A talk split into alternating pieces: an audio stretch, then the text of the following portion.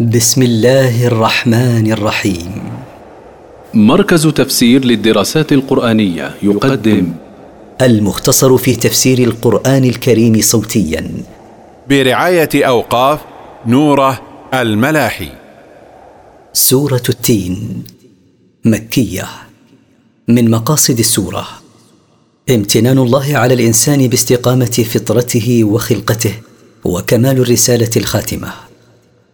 التفسير. والتين والزيتون.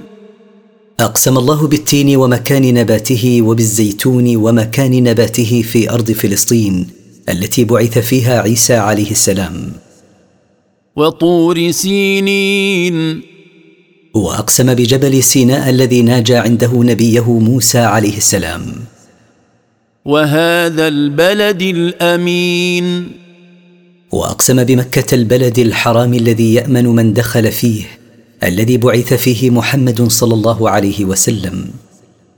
لقد خلقنا الإنسان في أحسن تقويم. لقد أوجدنا الإنسان في أعدل خلق وأفضل صورة. ثم رددناه أسفل سافلين. ثم أرجعناه إلى الهرم والخرف في الدنيا فلا ينتفع بجسده كما لا ينتفع به إذا أفسد فطرته وصار إلى النار. الا الذين امنوا وعملوا الصالحات فلهم اجر غير ممنون. الا الذين امنوا بالله وعملوا الاعمال الصالحات فانهم وان هرموا فلهم ثواب دائم غير مقطوع وهو الجنه لانهم زكوا فطرهم.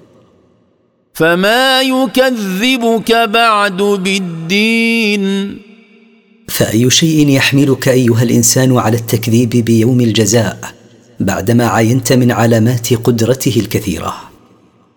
اليس الله باحكم الحاكمين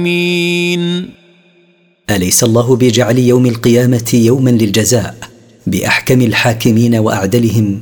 أيعقل أن يترك الله عباده سدى دون أن يحكم بينهم فيجازي المحسن بإحسانه والمسيء بإساءته.